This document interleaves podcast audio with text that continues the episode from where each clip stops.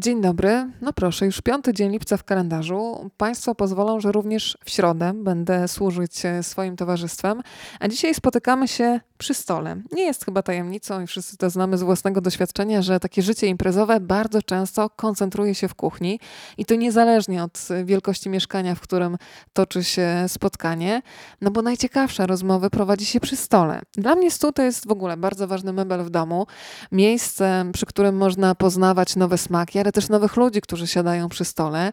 To też jest dla mnie taki mm, sygnał dla uważności, bo właśnie przy stole myślę, że bardzo często mamy szansę dać sobie i innym to, co jest w życiu najcenniejsze, czyli nasz czas i uwagę.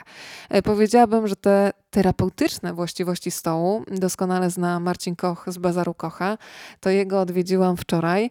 E, Marcin stoi za projektem zatytułowanym Stół Unplugged. I jeżeli dzisiaj Państwo przemierzają ulicę Warszawy i znajdą się na ulicy Mokotowskiej, to może się tak zdarzyć, że zatrzyma Was stół. Stół bardzo specyficzny, którego dwie nogi stoją w restauracji, dwie nogi są już na chodniku, na ulicy Mokotowskiej. I proszę potraktować ten stół przykryty białym obrusem jako zaproszenie do spotkania do rozmowy. Bardzo mocno kibicuję temu projektowi. Zapytałam oczywiście Marcina, skąd e, taki pomysł na spotkanie w przestrzeni miejskiej? I Marcin zaczął od tego, że to jest realizowanie jego potrzeby. Jakiej potrzeby? Proszę posłuchać, proszę się przysiąść do tego spotkania. Realizuję swoje potrzeby. Potrzeba e, bycia z ludźmi w trochę w, w taki bardziej intymny sposób. To znaczy, postawiliśmy sobie za zadanie do wiosny przyszłego roku e, przeprowadzić kilka takich akcji które mówią o zapomnianych, zapomnianych umiejętnościach. Jedną z tych zapomnianych umiejętności, my to patrzymy z perspektywy stołu w restauracji, jest to, że ze sobą zapomnieliśmy, zapomnieliśmy jak się rozmawia, jak się spędza czas razem, ale nie chodzi tylko o spędzanie czasu razem z kimś i poświęcanie mu czasu w trakcie spożywania, e, posiłku czy picia, ale też chodzi o spędzenie czasu samemu ze sobą. To znaczy, że my jesteśmy, ja, ja wiem doskonale na, na przykładzie swojej osoby, tak zakręceni, jak, te, jak to moja koleżanka mówi, jak termosy, e, że nie jesteśmy w stanie w ogóle nic, tak? I, i pędzimy, pędzimy, pędzimy, wstajemy rano, robimy ja milion rzeczy. Ja bardzo często słyszę od swojego Tomka pytanie, z kim jeszcze siedzimy przy stole, kiedy przeglądam na przykład Facebooka? Ile osób teraz siedzi razem z nami? I no. teraz jak taki wyrzut sumienia to zadziałało faktycznie, e, łapię się na tym, co jest straszne, że bardzo często siedzę przy stole z telefonem. Tak, ja z tym walczę. Y, I to jest niesamowite, że, że jak ja zapomnę telefonu, na początku jest panika, a później doceniam pewne inne elementy mojej codzienności.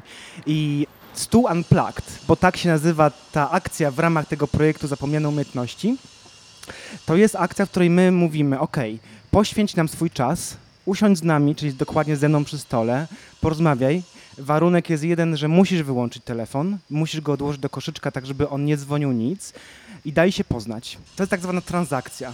Ale popatrz, jak były koncerty MTV Unplugged, to też chodziło o to, żeby poczuć rytm, Aha. żeby usiąść, żeby się zatrzymać, to tutaj ten rytm rozmowy jak będzie płynąć. Spróbujmy sobie zwizualizować. Teraz siedzimy przy stole pięknie nakrytym obrusem. Stół, który faktycznie jest fantastycznie skonstruowany, ja ma nierówne nogi.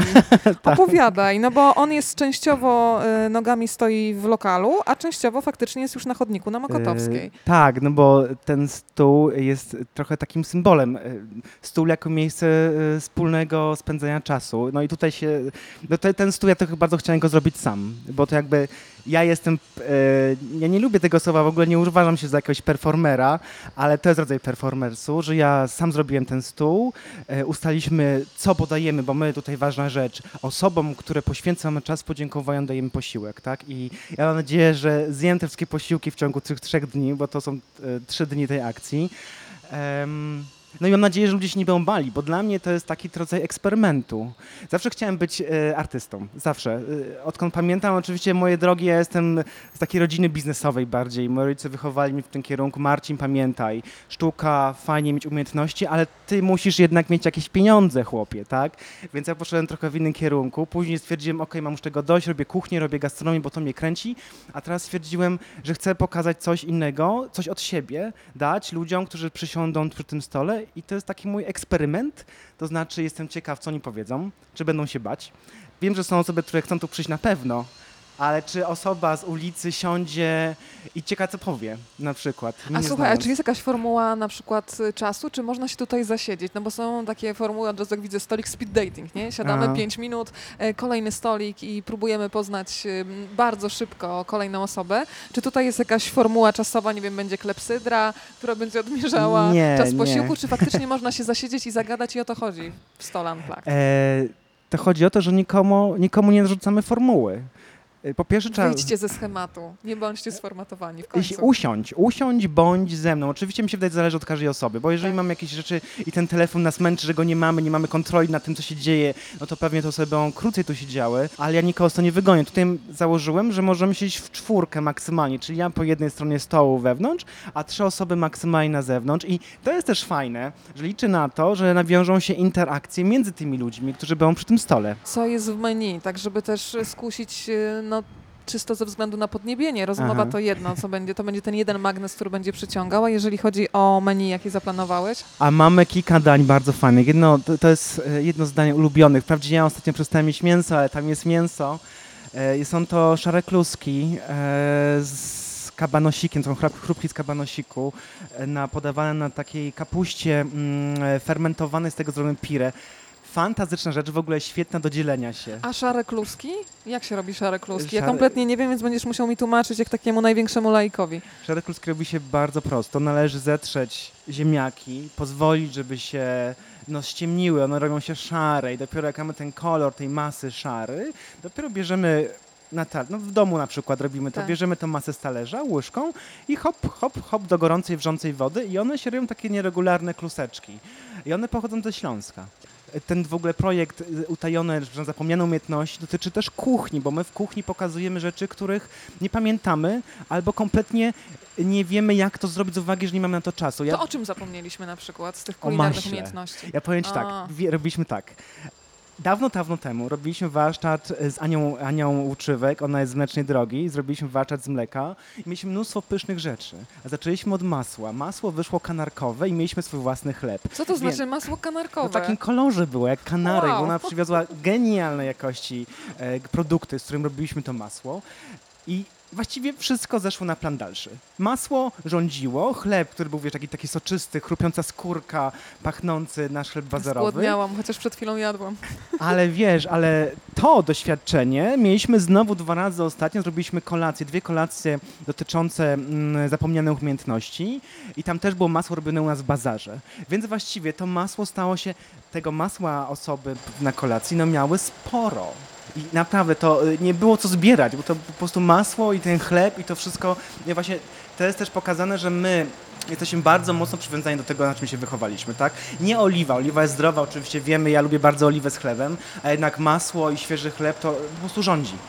No to powiedz jeszcze, ponieważ rozmawiam, bo lubię, jest tak, że każdy, kto włącza e, i chce posłuchać, tak jakby się przesiadał do naszej codzienności. Więc ja doskonale wiem o Twoich umiejętnościach kulinarnych, ale pochwal się trochę, jakie szkoły skończyłeś i trochę tak kawałek po kawałeczku, jak ta Twoja droga do tego, że dzisiaj siedzimy tutaj i realizujesz kolejny swój pomysł, jak ta droga wyglądała?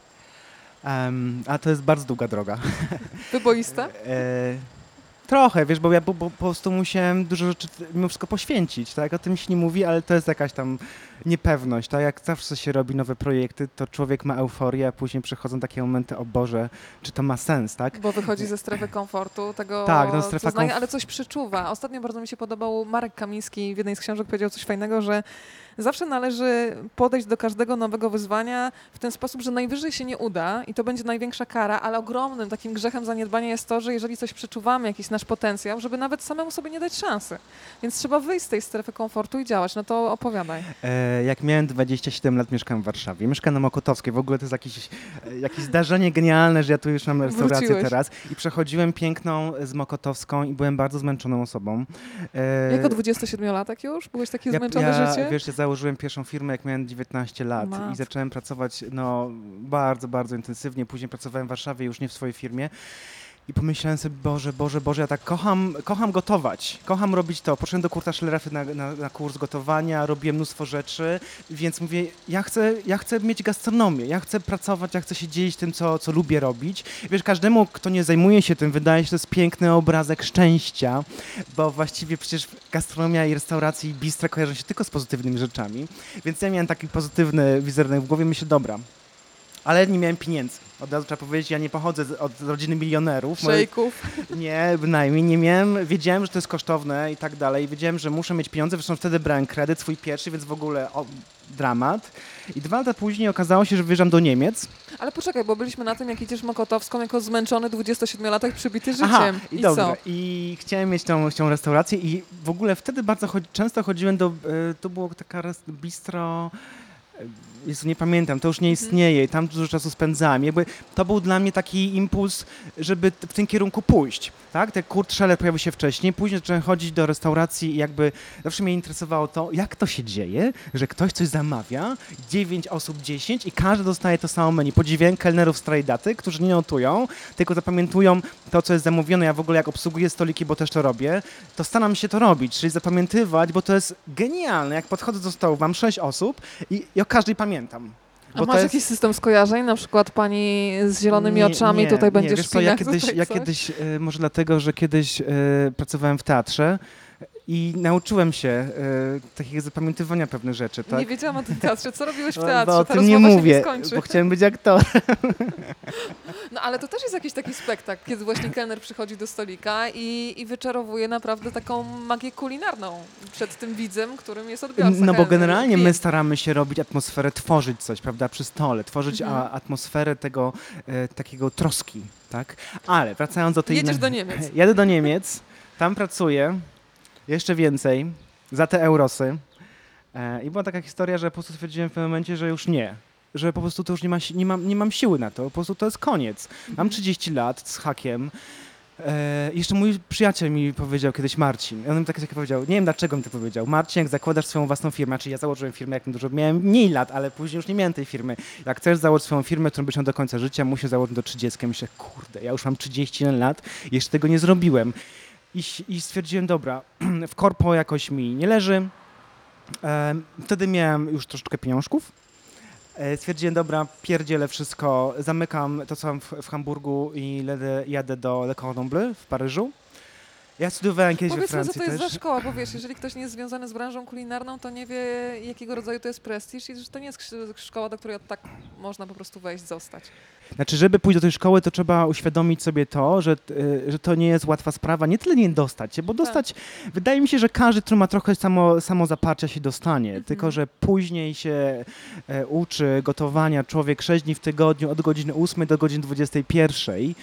E, jeżeli nie macie trzy razy na zajęciach, trzy razy, nie trzy dni, tylko na trzy razy na trzech zajęciach, oni cię po prostu wypraszają ze szkoły i cię już tam nie ma. Jeżeli nie spróbujesz czegoś, bo gotujesz różne rzeczy, jeżeli czegoś nie spróbujesz, ponieważ nie przeszkadza ci to, nie wiem, twoja etyka, religia, e, nie wiem, humor, e, zdrowie i tak dalej, to też zostaniesz wyproszony ze szkoły, bo oni mają zadanie takie, my szkolimy profesjonalistów. Ty nie jesteś tu po to, żeby narzucać komuś, co ma jeść po drugiej stronie, co nie. Jeżeli ta osoba, ty pracujesz w kuchni, która ma pełną gastronomię, jeżeli pracujesz w takiej, takiej, takim biznesie, twoim zadaniem jest spróbować. Jeżeli nie próbujesz jedzenia, które gotujesz, bo to nie chodzi, żeby robić sieciowe jedzenie, tylko żeby próbować do, do, dosmaczać, jak to niektórzy mówią w Warszawie, więc nie nadajesz się do tego. Więc ja pamiętam, pojechałem do Paryża, miałem olbrzymie problemy z plecami. Po prostu ja wstawałem z bólem, wchodziłem tam z bólem. To było dwa miesiące orki, ale jednocześnie ta praca, bo to poznałem najlepszych swoich przyjaciół tam w, gas, w, w Le Cordon Bleu, ponieważ y, jak się jest z kimś 12 godzin, dzień po dniu i to wcale nie jest miło i sympatycznie, bo to moja, ja mówię z moim ludziom, moja kuchnia tutaj w, w Bazarze Kocha to jest Lux Pomada. My tam pracowaliśmy w 12 osób, 12 kuchni. Każdy ma miejsca, no to mniej niż ten stół, który tu widzimy, no on ma, on ma 60 Metr. metrów. Tak. I musisz przygotować dania w niesamowitym tempie.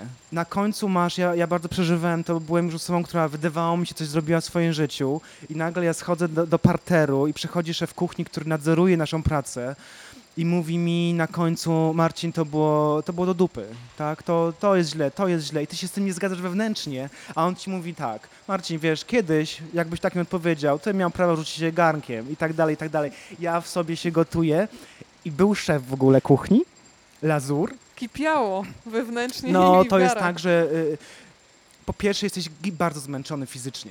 Bardzo, bardzo, bardzo. To jest, to jest trudno to opisać. Wszystko cię Tak. po prostu boli dzień po dniu, nie masz przerwy. I ja lazur, ja miałem wrażenie, że ja ją podpadłem czymś, nie może tego, że mu odpyskowałem. em, I następnie ja później pojechałem do Londynu się uczyć, później pojechałem do, do pracować do Hiszpanii, do Włoch, później wylądowałem w Hongkongu i co, jak byłem w Hongkongu, to już się nie uczyłem. Miałem przerwę z, z tym pracą, powiedzmy w Hongkongu, leciałem znowu do Paryża, kończyć tą szkołę, bo musiałem pracować w trakcie, żeby zarabiać pieniądze na tę szkołę, czyli musiałem już w gastronomii, zatrudniłem się w Ham- Hamburgu z powrotem, żeby pracować w, w takiej dużej firmie. No właśnie, powiedzmy, że ta szkoła oprócz tego, że wymaga wysiłku, to też jest po prostu finansowo mocno No obciążająca. no, mieszkanie w Paryżu. Tak. E, ja nie chciałem dzielić, e, gdzieś tam mieszkać poza peryferiki, jeździć dwie godziny do szkoły, czyli wstawać o 5, wracać o 24. Z, to tragedia. Ale chciałem powiedzieć, że później trafiłem do Le Cordon Bleu w Paryżu na superior, tak zwany poziom i trafiłem na Lazura. Ja myślałem, że on mnie zabije, po prostu stwierdziłem, że to będzie najgorsze dwa miesiące mojego życia. Ale się okazało na końcu, że chyba on, to wszystko, co mi robił tego zło, to było chyba z jakiejś sympatii mimo wszystko, może trochę pokrętnie zrozumianej. Ja pamiętam, że mm, robiliśmy, ja się bardzo stosowałem, ja gotowałem przy tym człowieku i pamiętam robiłem e, ceviche, które podawane było, e, co milfoja To nie, nie będę owijał, jak, znaczy tłumaczył dokładnie, jak to danie wygląda, danie w superiorze, Brzmi dania, wygl- ekstrawagancko. te dania już trochę są tworzone przez nas, tak? Mhm. Wiele jest no, takich momentów, kiedy dania robimy sami. I zrobiłem to ceviche z milfojem i on wziął ten talerz. Ja myślałem, kurde, kurde, po prostu on zaraz powie coś takiego, że po prostu ja tu padnę. A on mówi, proszę bardzo, to jest najlepsze danie, tak? Ja wtedy po prostu prawie chodziłem... Urosłeś 10 No, skrzydła mi urosły.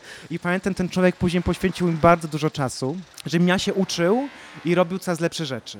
Ja chciałem powiedzieć, że jak, jak już mamy coś zrobiliśmy w życiu, tak, i patrzymy Tak. na różne rzeczy i mamy ten komfort, mimo wszystko ja mam jakiś komfort i mi się udało coś zrobić w życiu i miałem szczęście, bo ja nie mu... Nikt mi nic nie dał, tak? Sam muszę pracować. Mam zdaje, mm, przepraszam bardzo, słowo, mamy fantastycznego wspólnika, mam genialny zespół ludzi, którzy pracują ze mną, ale ktoś mi ostatnio powiedział, Marcin, y, ty masz rękę do ludzi. Nigdy nie myślałem, że mam rękę do ludzi, ale ja mam takie założenie, że dużo rzeczy zrobiłem, w wielu sytuacjach byłem niefajnych i, na, i zawsze postępuję tak, żeby to, co mi rodzice mówili, nie zrób, ta, nie rób tego, czego sam byś nie chciał doświadczyć, tak? Czyli ja postępuję 100% fair. Ja wolę, żeby ktoś mnie oszukał i ja, i ja się z tym pogodzę, bo ja chcę być, ja chcę ufać. Jak ktoś mi kiedyś, to jest, to jest życie, tak? A wiesz, o co się chciałam zapytać dzisiaj, wybierając się do ciebie na rozmowę, jak mi na przykład spotykasz się z klientami, bo to bardzo różnie wygląda odbiór w różnych restauracjach i na przykład ktoś ma uwagę krytyczną, ty to y, doceniasz, rozmawiasz, czy jest jakiś sposób, nie wiem, żachnięcia się albo zlekceważenia, czy to jest właśnie fajne, kiedy ludzie się czują na tyle bezpiecznie i komfortowo w lokalu, że chcąc jakby wesprzeć miejsce, które Mhm. lubią, na przykład dają jakieś uwagi. No pewnie czysto takie- po ludzku to trochę takie ego osoby. Gdzieś tam y, zostaje utarte, ale czy, czy Mm, rozmawiasz, jak to mm, wygląda? Wiesz co, ja tak na to, to nie patrzę. To nie jest. Znaczy, je, z jednej strony wiem, że uwaga dotycząca, jeżeli wkładasz serce w to, co robisz, to każdy komentarz negatywny cię boli. Po no prostu. jasne, to jest Chyba, że robisz coś, co ci po prostu masz to gdzieś, to spływa poza po tobie. tobą, tak, tak. jest to poza Mhm. tobą.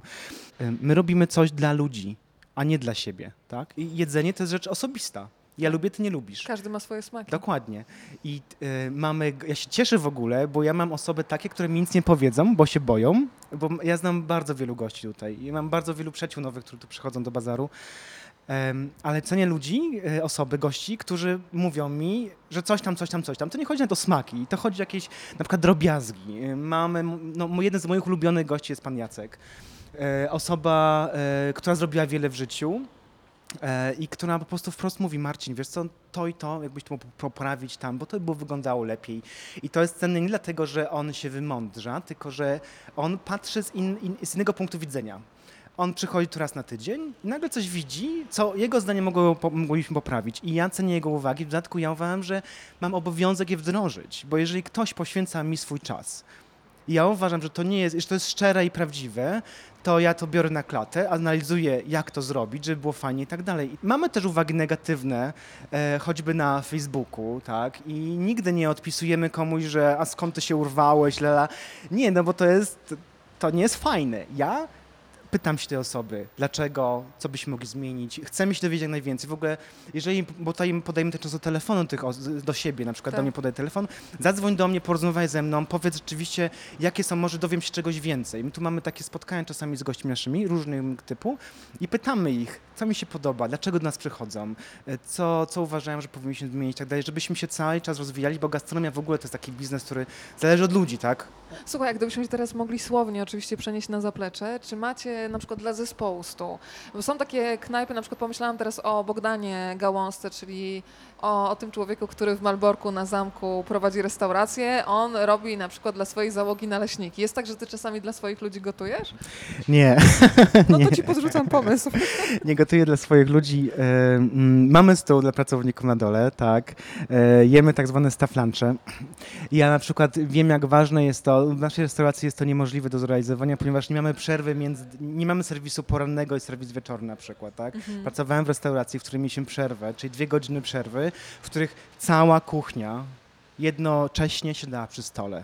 I to jest, to jest genialne, to jest genialne, bo my się zbliżamy, bo wiesz, że w każdej pracy są momenty, kiedy my nie, nie jesteśmy w zgodzie z kimś, prawda? No po prostu coś nas poróżni. Tak, albo ktoś ma gorszy dzień i niestety życie prywatne czasami Tak, rykoszetem gdzieś przy tym uderza to stole i po pierwsze ten stół nas zmusza do tego, żeby spróbować porozumieć, bo ta osoba siedzi koło mnie albo vis-a-vis, tak?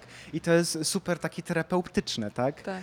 E, ja tak, bo pytałaś się mnie przed tym spotkaniem odnośnie, mm, odnośnie przy, przy, przygody ze stołem u Tak, mnie. przygadywaliśmy i pomyślałam, poprosiłam Marcina, żeby się zastanowił i żeby opowiedział mi, a tym samym również Państwu, o takim najciekawszym spotkaniu przy stole. Wiadomo, że jeżeli są imprezy, to często życie się koncentruje w kuchni, właśnie przy stole. To Twoja najważniejsza rozmowa przy stole, podzielisz się? Przypomniałem sobie trzy historie. Bardzo proszę. Jedna historia to jest w kuchni z moimi rodzicami, szczególnie jak e, no ja wychowałem się w komunie. E, Jak nie było prądu, graliśmy w bierki albo em, Ojej, kubierki chyba dzisiaj kupię. no, przy świeczkach. Ale to jest, takie, to jest takie wspomnienie, się kuchnia u mnie w domu zawsze była centrum, zresztą chyba w większości domów kuchnia jest centrum wszystkiego, tam chcemy siedzieć, tam chcemy spędzać czas. Ale dwie najfajniejsze rzeczy związane z ludźmi i ze wspólnym pożywaniem, to jedno to było jak byłem, nie wiem, chyba 16 lat, byłem zakochany po, czubki, po czubek uszu albo głowy. I ja wtedy gotowałem, nawet nie wiedziałem, wtedy nie myślałem, że ja gotuję i piekę w ogóle, bo ja to po prostu robiłem automatycznie. Pamiętam, byłem zakochany, nie powiem w kim, ale bardzo. Szanuję tę No tajemnicę. i pojechaliśmy wtedy do Laskowolskiego. świecą, No. pojechaliśmy do Laskowolskiego wtedy z taką grupą znajomych. Ja zrobiłem konfitury z brzoskwini. Upiekłem ciasteczka, które nazywają się, teraz wiem, wtedy nie wiedziałem, tiule. E, no i to było takie spożywanie, wiesz, nie było komórek, nie było niczego i byliśmy w środku lasu, w nocy zostaliśmy tam, no po prostu fantastycznie, jedliśmy, było, nie było stołu, był koc, jedliśmy te konfitury, jedliśmy te ciasteczka. I to było jedno takie wspomnienie, które do tej pory pamiętam, po prostu czar tego miejsca. Las Wolski jest w Krakowie, tak? Jest pochodzę z Krakowa, a drugie miejsce to było Ale tak naprawdę to było spotkanie bez stołu, tak? bez stołu. No, Okej. po prostu jedliśmy A to z rodzicami jeszcze? z rodzicami mam drugie wspomnienie, z Mhm. moim głównie ojcem, tak? Bo jakby to w kuchni przy stole to była jedna historia, co robiliśmy przy stole, że byliśmy zawsze przy tym stole, a drugie z moim ojcem, jakby wyjeżdżaliśmy zawsze na wakacje, bo moja mama brała mnie i moją siostrę, jestem bliźniakiem, e, na wakacje na przykład na dwa tygodnie, a mój tato na dwa tygodnie w góry. Jakoś tak się podzielili, że moja mama nad morze, mój ojciec w góry.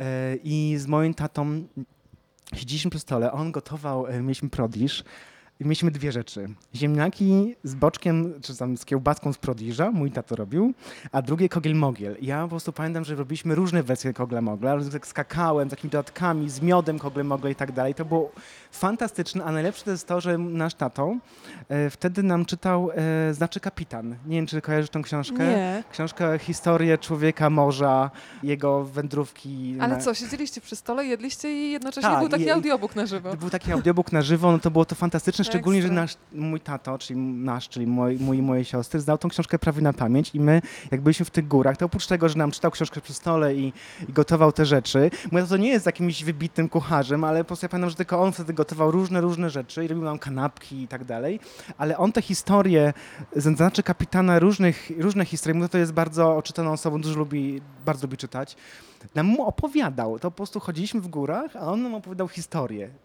po prostu no nie wiem, nie cytował rozdziałów, tak, książek, ale to było takie wspomnienie, e, które do tej pory mam w głowie i najlepsze jest to, że teraz, jak ty mnie pytasz o ten stół, to one wracają jako ten jeden z najważniejszych. To też pokazuje, że jakby ja teraz doceniam to, co miałem, nie wiem, no 30 lat temu, tak. To ja muszę coś takiego. głośno powiedzieć. Zróbmy kiedyś czytanie przy stole w Bazarze Kocha. Możemy zrobić czytanie w stole, wtedy będziemy musieli wyłączyć muzykę, będzie fantastycznie. Drodzy Państwo, no to pomysł kolejny się urodził. Yy, To by się jest trudno zatrzymać. To teraz jeszcze chciałam właśnie zapytać o to życie restauratora. Dzisiaj powiedziałeś mi szczerze, że jesteś w dużym stresie. Yy, To powiedzmy o tych też takich cieniach, bo co chwila słyszę i sama też zdarzyło mi się powiedzieć, fajnie byłoby mieć swoją knajpę, nawet małą kawiarenkę. To powiedzmy, z czym to się wiąże tak na co dzień. Ech, Ciężkie To westchnienie. się, to, znaczy teraz e, ten, ten czas, który mamy. Dzień dobry Tomku. Dzień dobry, Tomku. E, Teraz, e, ponieważ mam jedną restaurację i teraz robię bistro, talerzyki, no to ja wstaję. Wstaję bardzo wcześnie, no to ja wstaję o 5, o 6. To, to A chodzisz taka- jeszcze na jogę, czy już nie? Czy już Chodzę na jogę. Dzisiaj, dzisiaj byłem rano na jodze. Joga jest fantastyczna, polecam wszystkim. Jestem po pierwszej lekcji jogi asztangi i nie wiedziałam nawet, że mam takie mięśnie, które No. poszyłam następnego dnia. Fantastyczna sprawa. Ja mi się wydaje, wiesz, to twoje pytanie tym odwrócił trochę sytuację. Bo znam ludzi, którzy mają restaurację i są gdzieś daleko. Nie ma ich, robią swoje własne rzeczy i zatrudniają ludzi i oni to robią. I tak naprawdę oni nigdy nie wiedzą do końca, ile to kosztuje pracy. Jeżeli mamy restaurację, którą sami finansujemy, ale to nie chodzi tylko o pieniądze, to chodzi, że finansujemy swoim czasem. Odstawiamy wszystko na bok i chcemy, bo to jest moja duma, aspiracja w jakiś sposób, to co chcemy, no może nie sobie udowodnić, ale jednak chcemy zrobić coś fajnego. No każdy nie chce nic zrobić dziadostwa. Jakbym chciał robić dziadostwo, to bym otworzył, nie wiem, XXY 10 w Polsce i sprzedawał Tak. kotlety, tak? Ale nie o to mi chodziło. Ja chciałem w ogóle bardzo mocno... Dziadostwo by Marcin Koch, nie wyobrażam sobie No, tego. ja, ja nigdy takiego, wiesz, i to jest to, że ja bardzo, z, z, wiele osób przychodzi i, i łączy mnie z tą restauracją, Mhm. tak? I mój znajomy powiedział, Marcin, ty masz przerąbane, jak ciebie zabraknie, to, to ci ludzie po prostu nie będą tu przychodzić, bo wszyscy cię łączą z tym miejscem, ale dla mnie to jest komplement, bo to znaczy, że ja Stworzyłeś tu- markę osobistą tak naprawdę. No. no wiesz, na przykład tutaj pracownicy tego miejsca, w którym my siedzimy byłego, podchodzili kiedyś do mnie, jak ja składałem stoły i krzesła, tak? I mówili, jaki, taki kelner kiedyś podszedł do mnie, czy barman, mówi, że i ją podały rękę i gratuluje. Mówię, chłopie, czego ty mi gratulujesz? Że, a on mówi, że on pierwszy raz widzi coś takiego, że właściciel przychodzi i wspólnie składa ogródek wieczorem, żeby szybciej zamknąć, tak? Tak. Więc moje poświęcenie i to poświęcenie, jakby zaangażowanie i to, że ja bardzo dużo pracuję, wynika też z mojego podejścia. Ja jestem gotowy stanąć na kuchni. Zresztą Tomek, który tu był, który jest szefem kuchni teraz u mnie w bazarze, no to ja zawsze mówię, Tomek, jeżeli jest problem, nie ma cukiernika, nie ma kogoś na zimnej, wchodzę, robię. Oczywiście z biegiem czasu mojej umiejętności szybkość jest coraz gorsza, bo ja coraz rzadziej to robię. To jest jakby z, każdym, z każdą pracą rzemiosłem tak, tak jest. Ale zawsze mogę się poświęcić, poświęcić. No, z przyjemnością to zrobię. To jest ciężka praca, ale pójdę, po prostu wiem, że ja to robię dla ogółu, dla mojej firmy, dla siebie, dla ludzi i tak dalej. No i z tego wynika to teraz, że po prostu pracuję non-stop, że mam i wiem i czekam bardzo mocno do września, kiedy to otworzymy. Później będą kolejne trzy miesiące bardzo intensywnej pracy, ale cieszę się z drugiej strony na to, że, że będzie coś nowego i na przykład doceniam jeszcze bardziej moich ludzi. Bo jakby ich tu nie było, to, to ja nie wiem, co bym zrobił. Taka Hanie, która jest fantastyczną osobą, full energia, e, Tomek, który jest, tutaj widziałaś Tomka, tak. Tomek introwertyk, którym... Przystojny introwertyk. Mm, Pewnie tak, wiele kobiet to, to mówi, że jest Mój mąż przystojny. siedzi w środku, nie słyszy, usłyszy, jak będzie montował ze mną. E, więc y, jest, jest Magda, jest e, Emilia, Ewelina, jest Czarek, jest, no, jest, mamy tutaj bardzo dużo osób, bo jakby wszystkim bardzo dziękuję za to, że oni są ze mną, bo ja mogę pozwolić sobie na to, że mogę pójść spać. Tak? Bo, Co za luksus. Marcin Koch też śpi, drodzy Państwo. To pocieszające. ale wiesz, ale są też osoby, które mają podobne podejście do gastronomii jak ja i jakby bez tego nie ma gastronomii. I ja nie zgadzam się z stwierdzeniem, że to jest ciężki biznes, bo to nie jest ciężki biznes. Nie. A on jest nie, ciężki fizycznie, dużo czasu musimy poświęcić na to, e, żeby to zrobić. Ale ja nie znajduję w tym ciężkość, zło albo jakieś poświęcenie, to złe słowa są. Bo to jest bardzo przyjemne. Bo na przykład, jeżeli my czerpiemy radość z tego, że codziennie przychodzą goście, a ja mam przyjemność tego, że mogę do nich podejść i porozmawiać, w ogóle nie mam bariery, podchodzę do nich i no pytam się, jakie mają, to potrzebują zjeść, bo też to robię, albo zagaduję o różnych rzeczach, a później ktoś mi mówi, a pan to chyba jest właścicielem, a ja mówię, tak, dzień dobry i nawiązuje się kompletnie inna relacja. Mam mm, e, takich, e, takich gości z Ciechocinka, oni prowadzą pizzerię fantastyczni ludzie. Oni tu byli i najlepsze jest to, że oni są, tak zwane, ja bym powiedział, bez spinki. Niektórzy tak. z gastronomii mają spinkę, jak przychodzą do mnie, tak, bo to konkurencja, lalala, a oni byli uroczymi osobami i dzięki temu, że podszedłem do nich i porozmawiałem, nawiązałem z nimi kontakt, oni mnie zaprosili do siebie.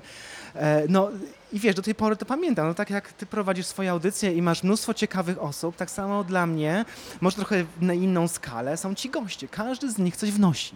Słuchaj, powiedz jeszcze z cyklu do sedna.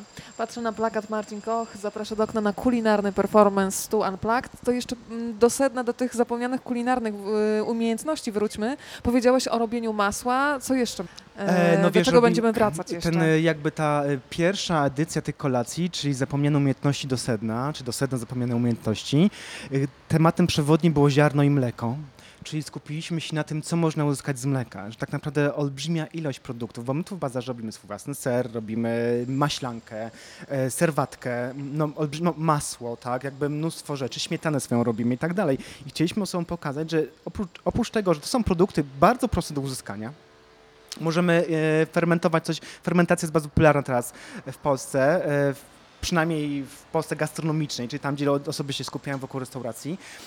E, więc możemy fermentować też w jogurcie i na przykład szparagi fermentowając w jogurtu to jest coś niesamowitego. I my pokazaliśmy w razie tej kolacji, że są produkty związane z mlekiem, które są sfermentowane, e, które możemy jeść bez takiej potencjalnej myślenia, że pijemy mleko, bo to nie o to chodzi, żebyśmy pili mleko, i pokazujemy całą paletę różnych dań, gdzie ten składnik się pojawia, ale też ziarno, czyli na przykład, że możemy jeść żyto, którego ludzie nie jedzą żyta, możemy jeść żyto, możemy jeść żyto gotowane, podobnie jak dziki ryż, możemy fermentować żyto, więc to był temat przewodni, tak? Pokazaliśmy różne rzeczy, na przykład, ojejku, to było niesamowite danie, to jest młoda kapusta, która jest delikatnie podgotowana, w niskiej temperaturze.